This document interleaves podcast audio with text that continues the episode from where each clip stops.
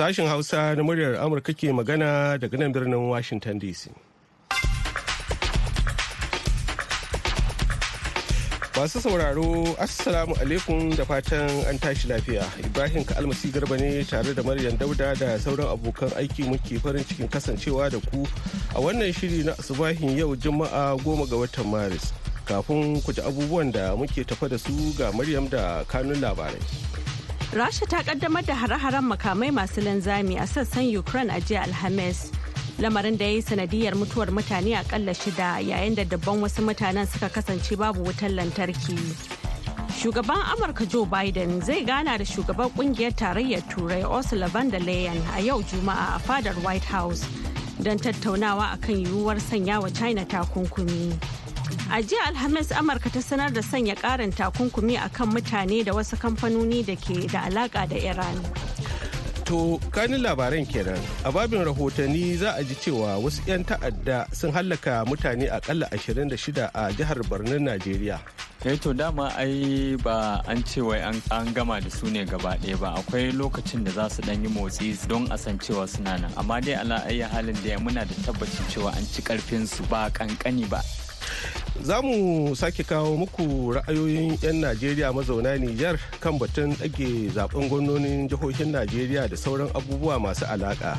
Kamar kowane asubahin ranar juma'a yau ma muna tafa da shirin manuniya wanda isa lawan ikara ke gabatarwa. Akwai mu kuma da nasihar juma'a. Kafin nan ga kashi na farko na labaran duniya. Jama'a assalamu alaikum ga cikakkun labaran Rasha ta kaddamar da hare-haren makamai masu linzami a sassan Ukraine a jiya Alhamis. Lamarin da ya yi sanadiyar mutuwar mutane akalla shida yayin da dubban mutane suka kasance babu wutar lantarki. Wannan dai su ne hare-hare mafi girma da aka kai wa Ukraine cikin makonni uku. Yayin da sojojin Ukraine ɗin suka ce sun harbo makamai masu linzami 34 daga cikin 81 da Rasha ta harba. Ƙasa da adadin da ta saba harbowa da kuma wasu jiragen sama marasa matuki guda huɗu kirar iran. An ji jiniyar gargaɗin hari ta sama a cikin dare a wasu yankunan ukraine ciki har da yammacin ƙasar nesa da fagagen daga da ke yankunan gabashin ƙasar. Gwamnan yankin lviv ya ce mutane biyar aka kashe a lokacin da wani makami mai linzami ya fada akan wani wuri da jama'a ke zama. A yankin nipro kuma jami'ai sun ce hare-haren rasha sun yi sanadiyar mutuwar mutum ɗaya tare da jikata wasu su biyu. Shugaban amurka joe biden zai gana da shugaban ƙungiyar tarayyar turai ursula von der leyen a yau juma'a a fadar white house don tattaunawa akan yiwuwar sanya wa china takunkumi. A daidai lokacin da ake fargabar beijing na shirin turawa rasha makamai da kuma takaicin da ƙasashen turai ke nunawa game da shirin washington na tallafawa kamfanonin amurka a ƙarƙashin wata doka ta rage hauhawar farashin kayayyaki. Biden da von der leyen za su kuma tattauna akan haɗin gwiwa amurka da eu don yakan matsalar sauyin yanayi ta hanyar ba da fifiko akan amfani da hanyoyi ko fasaha mara illa ga muhalli. A cewar sakatariyar yada labaran fadar white house karen jean pierre a cikin wata sanarwa. Wannan zaman dai shine na baya-baya a cikin jerin tattaunawa da manyan jami'an diflomasiyya da shugabannin ƙasashen turai don samawa ukraine taimako wajen kare kanta shekara ɗaya bayan mamayar rasha. Haka kuma biden ya gana da shugaban jamus olaf scholz a washington a makon da ya gabata. A jiya Alhamis Amurka ta sanar da sanya karin takunkumi akan wasu mutane da kamfanoni da ke da alaka da Iran da kuma abin da ta kira haramtacciyar hanyar hada-hadar banki da ake amfani da ita wajen ɓadda sawu.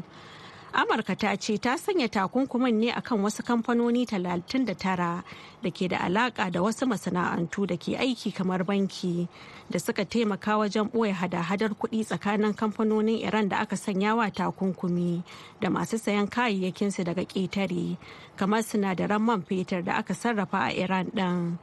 ma'aikatar baitul malal amurka ta ce kamfanonin kama daga hong kong zuwa haɗaɗɗiyar daular larabawa ta uae sun bullo da wata gagarumar dabara ta hada-hadar kuɗi kamar banki wacce ke ba da kariya ga kamfanonin iran da aka sanya wa takunkumi don ɓoye cinikin kasuwancin sinadaran man fetur da abokan cinikayyarsu na ƙasashen waje To kuna sauraron labaran ne daga nan sashen Hausa na muryar Amurka a birnin Washington DC.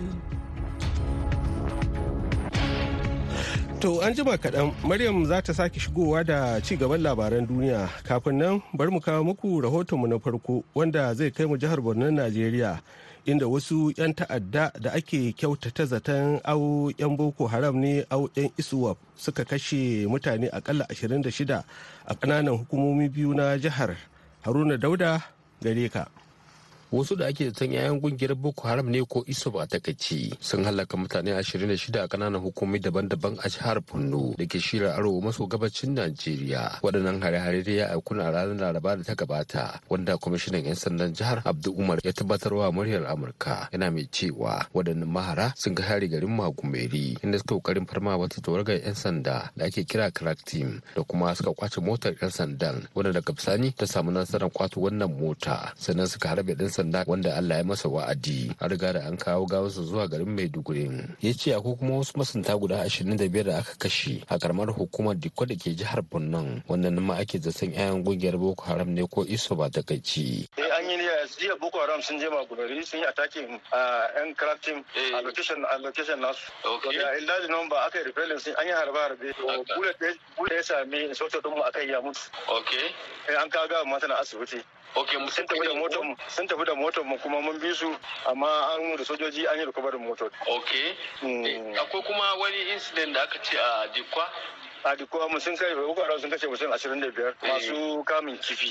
Ok 25 ne ko? 25 no 29 na ga 29 da tara. Tara sun ji ciwo. Haka. Hudu da ina ganin suna asibiti a dikwa yanzu. Ok. Undergoing treatment. Ana zaton cewa yayan ƙungiyar boko haram ko iswap ta kashe mutane fiye da dubu arba'in game da gade daga majalisar ɗinkin duniya ta nuna to koya mutane ke kallon irin wannan hare-haren ganin cewa an so mu samun sauƙin lamarin? Sunana tijjani usman bello a nan maiduguri. Eh to dama ai ba an ce wai an gama da su ne gaba ɗaya ba. Akwai lokacin da za su ɗan yi motsi a san don a san cewa suna nan. Amma dai ala ayi halin da mun san cewa muna da tabbacin cewa an ci ƙarfin su. Ba kankani ba a cikin kashi ɗari an cinye tamanin da biyar. Saura su yan kaɗan ne. yan kaɗan ɗin ne su ne suke ɗan hana mutane su kune su hana walwalan mutane da sauransu. To amma kuma shi ɗin ma muna fatan Allah ya so Allah zai kawo ƙarshen su. Ta yadda babu wani abin da zai sake faruwa irin wannan da ya faru a baya. sunana audu abba kurama. Yanda kaga suke farmata masu kamun kifi wanda suke kauyuka kamar fada da fada da suke tsakanin su ne sai wasu su alamun cewa haushi da suke ji a junan su ba su samu mutane ba ko ba su samu abin da suke so ba.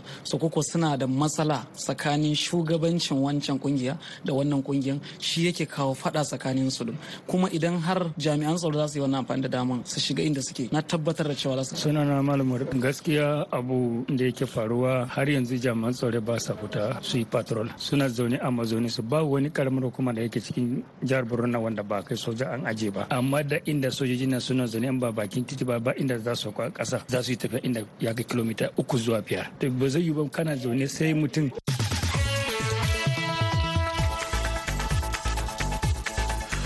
To gaida Haruna ana tare ne da sashen Hausa na muryar Amurka a nan birnin Washington DC ga Maryam da kashi na biyu na labaran duniya.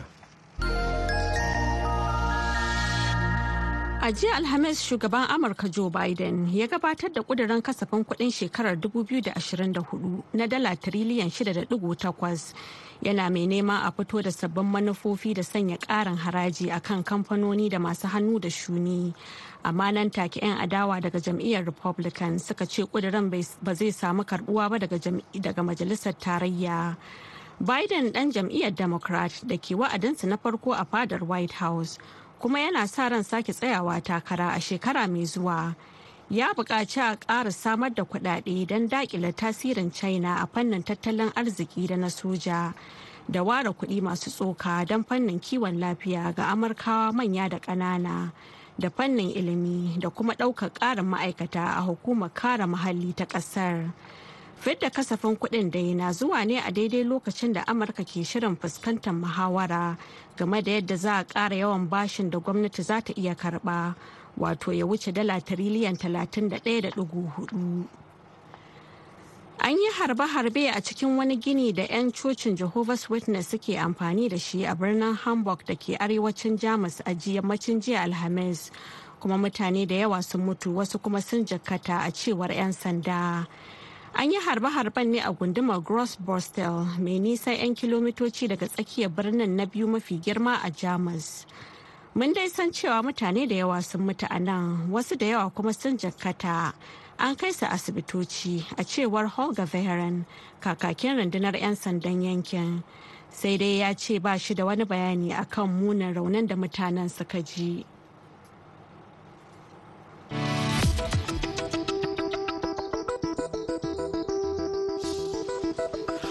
To gaida Maryam Dauda da ta karanto mana labaran duniya daga nan sashen Hausa na muryar Amurka a birnin Washington DC.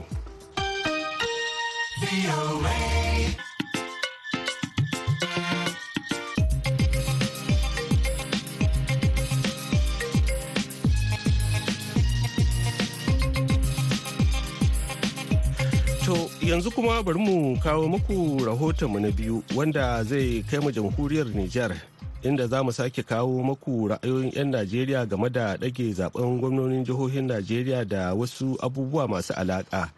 Daga Difa ga Abubakar Isa da rahoton.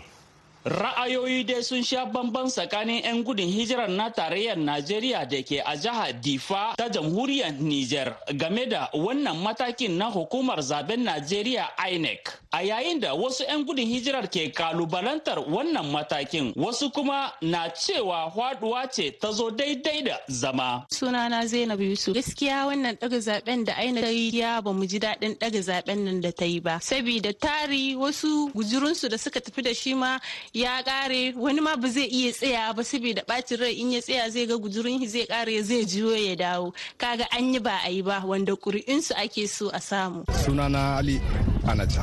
Gaskiya ni ya yi mini haka nan saboda dole muna so mu je mu yi zaɓe amma akwai wasu matsaloli na ina gani ya sha gaban mu wanda da kire za mu je mu yi zaɓen amma da aka kara sati dan za mu samu cikakken lokaci da za mu je mu yi bot ma wanda muke so.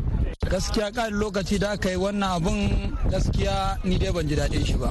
Maganan Allah da annabi. Saboda gani nake kamar wata kulla kulla ne ake nema shirya ayi akan abun. Akwai wanda suka tafi. Ni yanzu kaga sat ne ma ga tana a bayana wanda har mun shirya za mu fara tafiya zaɓen sai aka ci an dakatar.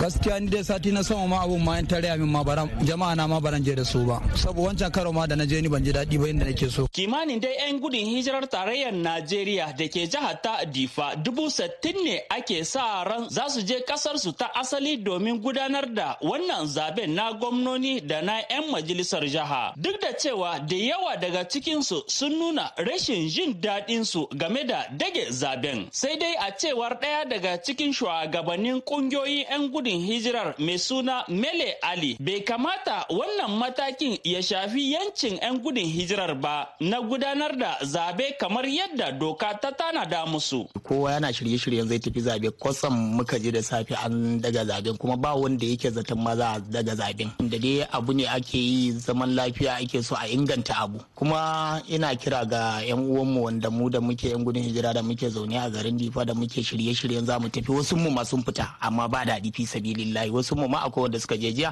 wasu yau za su je wasu gobe za su je. To mu daure mu danne zuciyar mu shine yancin mu zaɓe shine yancin mu. Idan baka yi zaɓe ba baka da bakin magana. Mu daure mu fita sha takwas ga wata mu halarci inda ake zaɓen nan mu je mu yi zaɓe. Lafiya mu dawo lafiya mu shine burin mu. Tuni da yan gudun hijirar na tarayyar Najeriya da ke a jihar Difa kimanin dubu ashirin a cikin dubu sittin da ke a jihar suka isa ƙasar ta Najeriya domin gudanar da zaɓen na gwamnoni da na 'yan majalisun jiha. Abukar Isa sashen Hausa na muryar Amurka daga Difa a jamhuriyar Nijar. To a gaida Abakar kada a manta wannan shirin na zuwa muku ne daga nan birnin Washington DC akan mitoci 16, 25 da kuma 31.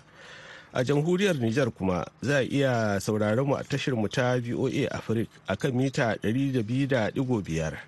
Baya ga haka a yaushe ake so za a iya zuwa shafukanmu na intanet a voahausa.com ko kuma sashen hausa.com yanzu kuma ga shirinmu na gaba.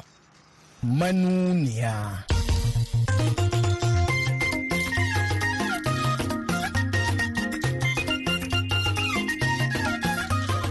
ni wannan ya tuna min da abin da ya faru a shekara ta dubu biyu ina gwamna kuma yana tsoratar da ni abin da ya faru ba abin jin daɗi ba ne dubban mutane muka yi asara tsohon gwamnan jihar kaduna har sau biyu sanata ahmad muhammad makarfi kenan game da saka sakar siyasar addinin da ya ce idan ba a ba hankali ba za ta iya haifar da barazanar tsaro. Su kuwa masana da masu ratsaki game da zabukan da suka gudana a nigeria gaya wa duniya suke irin abubuwan da suka gani game da na'urar tantance masu zaɓe da aka kirkiro abin da muka ce shine idan aka yi zaɓe wannan sakamakon kuma zaɓe za ta yi aikawa cikin saba ɗinta. Ba ce muka ana zaɓe a dinga kuma ganin sakamako a can ba. Inda ba dan an tauna goron dattako ba yanda abun ya tada jeje ya wuya waɗansu suka harzuka suka fita da Allah kaɗai ya san abin da ke iya faruwa. To kome masana da 'yan ƙasa ke cewa game da ɗage zaɓen da hukumar zaɓen tare Najeriya ta yi bayan tashi daga wani taro? Ɗaɗɗage zaɓe da sauransu da ake yi wanda ya zama kusan yana ƙoƙari ya zama ruwan dare ga duniya. Wannan abin yana nuna cewa har yanzu hukumar zaɓe ta ta gama dabo-dabo tana tatata. Bai zo mana akan muna tsammanin haka ba sai dai ba abin mamaki ba ne kawai kuma allah ya sa abubuwan da suka kasa na tane-tanade su iya kammala su cikin wannan lokaci. Waɗannan faso mun ta muka taɓo cikin tarin muryoyin da za mu kawo muku a cikin wannan shiri na manuniya.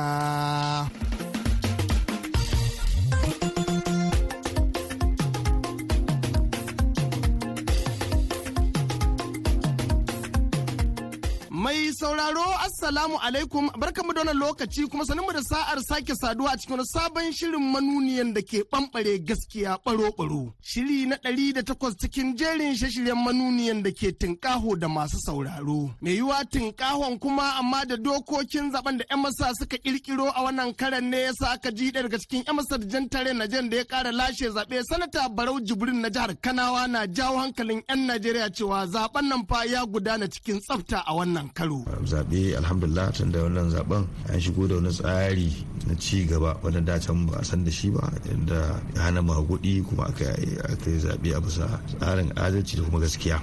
Duk da cewar dan adam da abin da yi masa sai ya yi wani korafi akan abin da ya gudana. Wannan kuma tsari ne dan adam. Amma abin da ake buƙata kullum shine idan aka yi zaɓe Allah bai ba mutum ba sai lungu gardara ce to haka Allah ya so. Mutum yana ganin akwai an saba tsarin doka sai je wani amma mu da muka dokar nan mun ga iya gani na dai. An tafiyar da haka zaɓen nan a bisa yadda muka tsara dokar zaɓe da wani dokar zaɓen nan kun amince da yadda za a miƙa sakamakon zaɓe ta hanyar na'ura mai aiki da ƙwaƙwalwa abin da muka ce shi ne idan aka yi zaɓe wannan sakamakon kuma zaɓe za ta yi aikawa cikin saba ɗinta. Ba ce muka ana zaɓe a dinga kuma ganin sakamako a can ba. Ba abin da muka ce ba kenan. To wani kira za ka yi ma wayannan shugabanni? Kowannen su ya shiga kotu? Atiku ya je kotu obi ya je kotu shi ma kanshi yanzu bola tinubu ya je kotu shi ma. ya je shi ma abubuwan da su da atiku da obi suke nema shi ma ya je. To ai kariya ce. Ya je da kare kasa ka ake yi. Tun bayan kammala zaɓen shugaban kasa da yan masa yaƙin neman zaɓe a jihar kaduna ya koma harkar hayyakewa juna game da maganar bambance-bambancen addinin da ake ganin ana ta faman dire daru daro daro. Tsohon gwamnan jihar kaduna sobi a jere sanata ahmad mama makarfi ya ce irin zarge-zargen da malaman addini ke yi wa juna akan siyasa fana da ban tsoro. Ni wannan ya tuna min da abin da ya faru a shekara ta dubu biyu ina gwamna kuma yana tsoratar da ni. A lokacin nan malaman addinan dukansu da nan musulmi da na krista ana ta kaiwa komo ana ta zargin juna ana ta wannan ya fito ya zaga-zaga yau gobe wannan ya fito ya aka bata dangantaka tsakani aka kai makura abin da ya faru ba abin jin daɗi ba ne. Dubban mutane muka yi asara. To abin da ke tsoratar da ni inda zakewa na malaman addinanmu a kan siyasa kuma abin bacin rai a cikin harkar shine daga wasu jihohi ma shigo mana ake. Mutanen nan ba su tsaya jihansu suna yin abin da suke yi a nan jihar kaduna ba. Wasu ma suna cewa suna tausaya mana. Ba su je jihohinsu sun tausaya ma mutanensu ba. Da ake ta gallaza ma talaka an yi haka an zo an tausaya shi mutane ba sa jin tsoro Allah. Su kuma 'yan siyasan duka ɓangarorin ba ta dangantaka ne da zamantakewa kuma sakamakonsa ba alheri ba ne. Mutane su zaɓe bisa abin da suka sani ya kuɗin makaranta yake ana tallafa musu wajen noma ya tsaro yake waɗannan abubuwa ne muhimmai. Game da maganar cece ku ce da cikikuyar cunar juna akan zaɓen shugaban kasa a Najeriya kuwa ɗaya daga cikin lauyoyin Najeriya barista mai nasarar kogo Ibrahim Umar ne ya ce ya zama wajibi dai a rinka tabbatar da an yi amfani da dokokin da 'yan majalisa suka kirkiro. Sashi na ɗari da goma sha huɗu zuwa na ɗari da ashirin da tara na dokar zaɓe ta ƙasa ta yi jadawalin duk laifuffuka waɗanda suka shafi dokar zaɓe. To ya kamata a riƙa hukunta mutane. Ba wai mutane su zo suna irin waɗannan abubuwa ba a riƙa ƙyale su. Domin inda ba dan an sa an tauna goron dattako ba yanda abun ya tada jeji ya wuya waɗansu suka harzuka suka fita. To da Allah kaɗai ya san abin da ke iya faruwa wanda kuma demokradiyya ce wadda take idanun duk duniya sun turo wakilansu ana kallon mu. Kin ga sashe na 21 da 23 da 24 na tsarin mulkin Najeriya wanda ya dora wajibci ga mu kare martaba ƙasar mu ne mata suna mai kyau. Kin ga da mun barar da wannan dama din to yanzu doka ta amince da wannan sakamako da ake ta ba shugaban hukumar zaɓe. Duk abin da aka riga aka kai ga an furta shi shikenan ya zama shine sahihin sakamakon zaɓe da jama'a suka jefa. Saura kuma duk wani wanda yake yana adawa ko kuma neman wani gyara ko canji akan wannan abu da aka furta to zaɓin shi ɗaya ne ya je kotu. Yana da dama a hurumi na sashe na shida da talatin da shida da sashe na ɗari biyu da talatin zuwa na ɗari uku da huɗu na tsarin mulkin najeriya ya kalubanci abin tun daga mataki na farko har zuwa kotun allah ya isa. Maganar na zaɓen gwamnoni a Najeriya daga ranar 11 zuwa ranar 18 ga wannan wata na Maris fa ta sa wasu 'yan Najeriya sun fara ciwon bakin da da yawa suke cewa a gaskiyar magana hukumar zaɓen tarayyar Najeriya ta riga ta makaru. Sai dai kuma masani akan harkokin shari'a barista Muhammad Ibrahim Zaria ya zazzage dalilan da yake ganin hukumar zaɓen ta ɗage zaɓen gwamnonin da suke ganin ai ya riga ya gangaro. Wannan abin ya ta'allaka game da umarnin kotu ne da ta ba da cewar a riƙe wa'innan abubuwa kar a taɓa har sai an gama tatse bayanan da ke ciki na abin da ya shafi zaɓen shugaban kasa da aka yi. Sun roƙi kotu ta ba da cewar a ba su dama na farko su inspecting din dukkan abubuwan da aka yi amfani da shi na zaɓen nan wanda ya hada hada wannan na'ura na bibas wanda ke tantance jama'a. Kuma shi wannan na'ura ya ƙunshi dukkan adadin kowane mutum ne da aka tantance su a kowane mazaɓa. Tunda suna kukan cewa akwai obabotun wato an yi a ringizan ƙuri'a to haka ne za su dubo su danganta shi da abin da ke ƙasa da kuma abin da ke cikin na'ura. So wannan umarnin kotu ne. Game da yawan ɗaɗɗage zaɓe da sauransu da ake yi wanda ya zama kusan yana ƙoƙari ya zama ruwan dare ga duniya wannan abin yana nuna cewa har yanzu hukumar zaɓe ta ta gama dabo dabo tana tatata akan yadda harkokin tafi da zaɓe sai dai abin sai an rinka bi a hankali kuma muna fatan nan gaba idan aka ci gaba da kawo ingantattun dokoki da za su rinka ci gaba da inganta harkan zaɓen nan muna fatan wannan abin zai zama tarihi a nan gaba insha Allah. Tunuma dai dan takarar gwamna a jam'iyyar adawa ta SDP a jihar Sokotawa sanata Abubakar Umar Gadan da ya ga gada gadar dage wannan zaɓe bule na cewa ya kamata da hukumar zaɓe ta yi amfani da wannan dama wajen ganin ta doke dukkanin tasgaro. Yau mun maraita da bayanin cewa an daga zaɓen mu zuwa wani sati insha Allahu. Ba mu yi mamakin ganin haka ba saboda alubalanci kala-kala da ke kotu akan lalurorin zaɓe. Sai dai bai zo mana akan muna tsammanin haka ba sai dai ba abin mamaki ba ne kawai kuma allah ya sa abubuwan da suka kasa na tane-tanade su iya kammala su cikin wannan lokaci. Saboda firajar zaɓe tana da yawa. Amma dai da a yi abubuwa ba a yi shiri ba ya lalace to da ya fi kyau a yi shiri.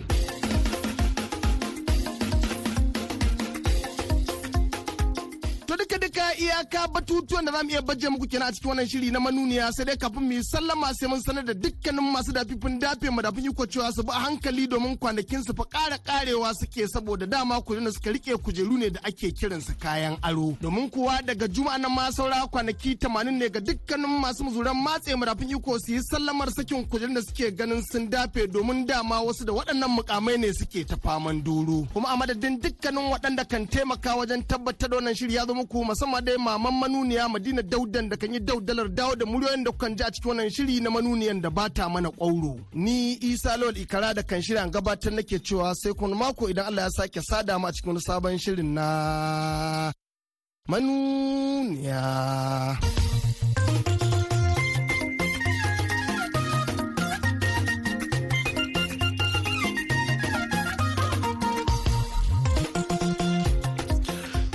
A gaishe ka. Yanzu kuma lokaci ne na sauraron nasihar juma'a.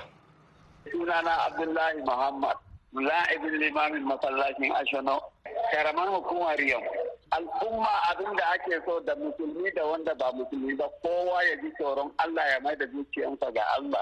Don dan adam mai hankali ne ba dabba ba ne.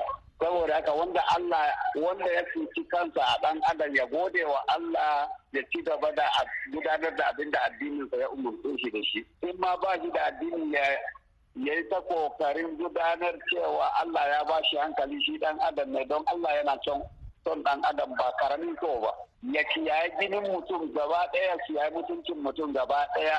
To zaɓe kowa ya nuka hankalinsa ga Allah wanda Allah ya so ya ɗora a kan wani matsayi dole ne an ɗora shi. Idan mutum ya samu mutum kan matsayi to ya gode wa Allah ya roki Allah ya taimaki wannan wanda Allah ya ɗora a kan wannan matsayi. Ai ta yin masu addu'a ana roƙon Allah ya ba mu adali. Masu gudanar da zaɓe su masu sa tsoron Allah a zukatunsu. Banda zaɓen neman abin duniya a zaɓi don a samu zaman adalci a rayuwar duniya shine mafita kawai.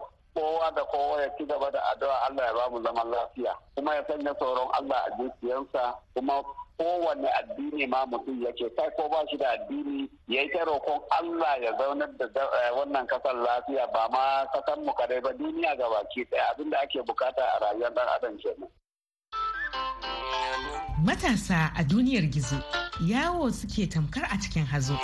Su shiga kowane lungu da saƙo domin sanin me duniya ke ciki. Ga wayannan da suka gani a hannunsu wata duniya ce Allah ya kawo musu wanda ba a taɓa kawo musu mutane da aka yi azmiya wannan dama ba. To amma idan ka ɗauki wayannan ka zama kawai abin da za ka riƙa kai dariya ka tare da kana sanin menene amfanin wannan abin zuwa gare ka ba. To lallai ka ga kana saurayi amma baka zauna cikin zamanin ka ba. Shi dai yanar gizo yana da advantage da kuma disadvantage. Yawanci dai advantage din shi ya fi yawa gaskiya. Social media ya taimaka mu saboda business ina bani da shago so social media dai nan ne shago na ne nake zuwa in saka duka hotunan kayayyaki na nan ne mutane za su gani su ce ga wanda suke so su zaba dan gaskiya inda baya na gizo ni da ban san zan yi business ba. Ilmantarwa nishadantarwa fadakarwa kayatarwa gogewa da kuma ƙara danƙon zumunci tsakanin juna na daga cikin abubuwan da matasa ke amfana da su daga duniyar gizo. Ku kasance tare da ni shamsiya hamza ibrahim cikin shirin matasa a duniyar gizo daga nan sashen hausa na muryar amurka. Domin sanin yadda duniyar gizo take da ma yadda za ka iya mai da ita a hannunka. To da fatan an amfana da wannan kuma muka zo ga shirinmu na ƙarshe wato labarai amman fa a taƙaice. Rasha ta kaddamar da hare-haren makamai masu linzami a sassan Ukraine a jiya Alhamis, lamarin da ya yi sanadiyar mutuwar mutane akalla shida, yayin da dabban mutane suka kasance babu wutar lantarki. Wannan dai su ne hare-hare mafi girma da aka kai wa Ukraine cikin makonni uku. Yayin da sojojin Ukraine ɗin suka ce sun harbo makamai masu linzami 34 daga cikin 81 da rasha ta harba ƙasa da adadin da suka saba harbowa da kuma wasu jiragen sama marasa matuƙi guda huɗu ƙirar Iran. Shugaban Amurka Joe Biden zai gana da shugaban ƙungiyar tarayyar Turai Ursula von der Leyen a yau Juma'a a fadar White House don tattaunawa a kan yiwuwar sanya wa China takunkumi a daidai lokacin da ake fargabar Beijing na shirin turawa rasha makamai da kuma takaicin da ƙasashen Turai ke nunawa game da shirin Washington da tallafawa kamfanonin Amurka a ƙarƙashin wata doka ta rage hauhawar farashin kayayyaki. A jiya Alhamis Amurka ta sanar da sanya karin takunkumi akan wasu mutane da kamfanoni da ke da alaka da Iran da kuma abin da ta kira haramtacciyar hanyar hada-hadar banki da ake amfani da ita wajen ɓadda sawu. Amurka ta ce ta sanya takunkumin ne akan wasu kamfanoni 39 da ke da alaka da wasu masana'antu da ke aiki kamar banki da suka taimaka wajen ɓoye hada-hadar kuɗi tsakanin kamfanonin iran da aka sanya wa takunkumi da masu sayan kayayyakinsu daga ƙetare kamar sinadaran man fetur da aka sarrafa a iran. To masu sauraro da haka muka kawo ƙarshen shirinmu na wannan lokacin amma idan allah ya kai mu an jima da hantsi ƙarfe 8 agogon najeriya nijar kamar da chadi wato bakwai kenan agogon ghana za mu kawo muku wani sabon shirin. Yanzu a madadin maryam dauda wadda ta taya na gabatar da shirin da producer mu daɗi bulawi da kuma injiniyan mu na yanzu kal ni ibrahim ka almasi garba ke muku fatan alheri. Wassalam.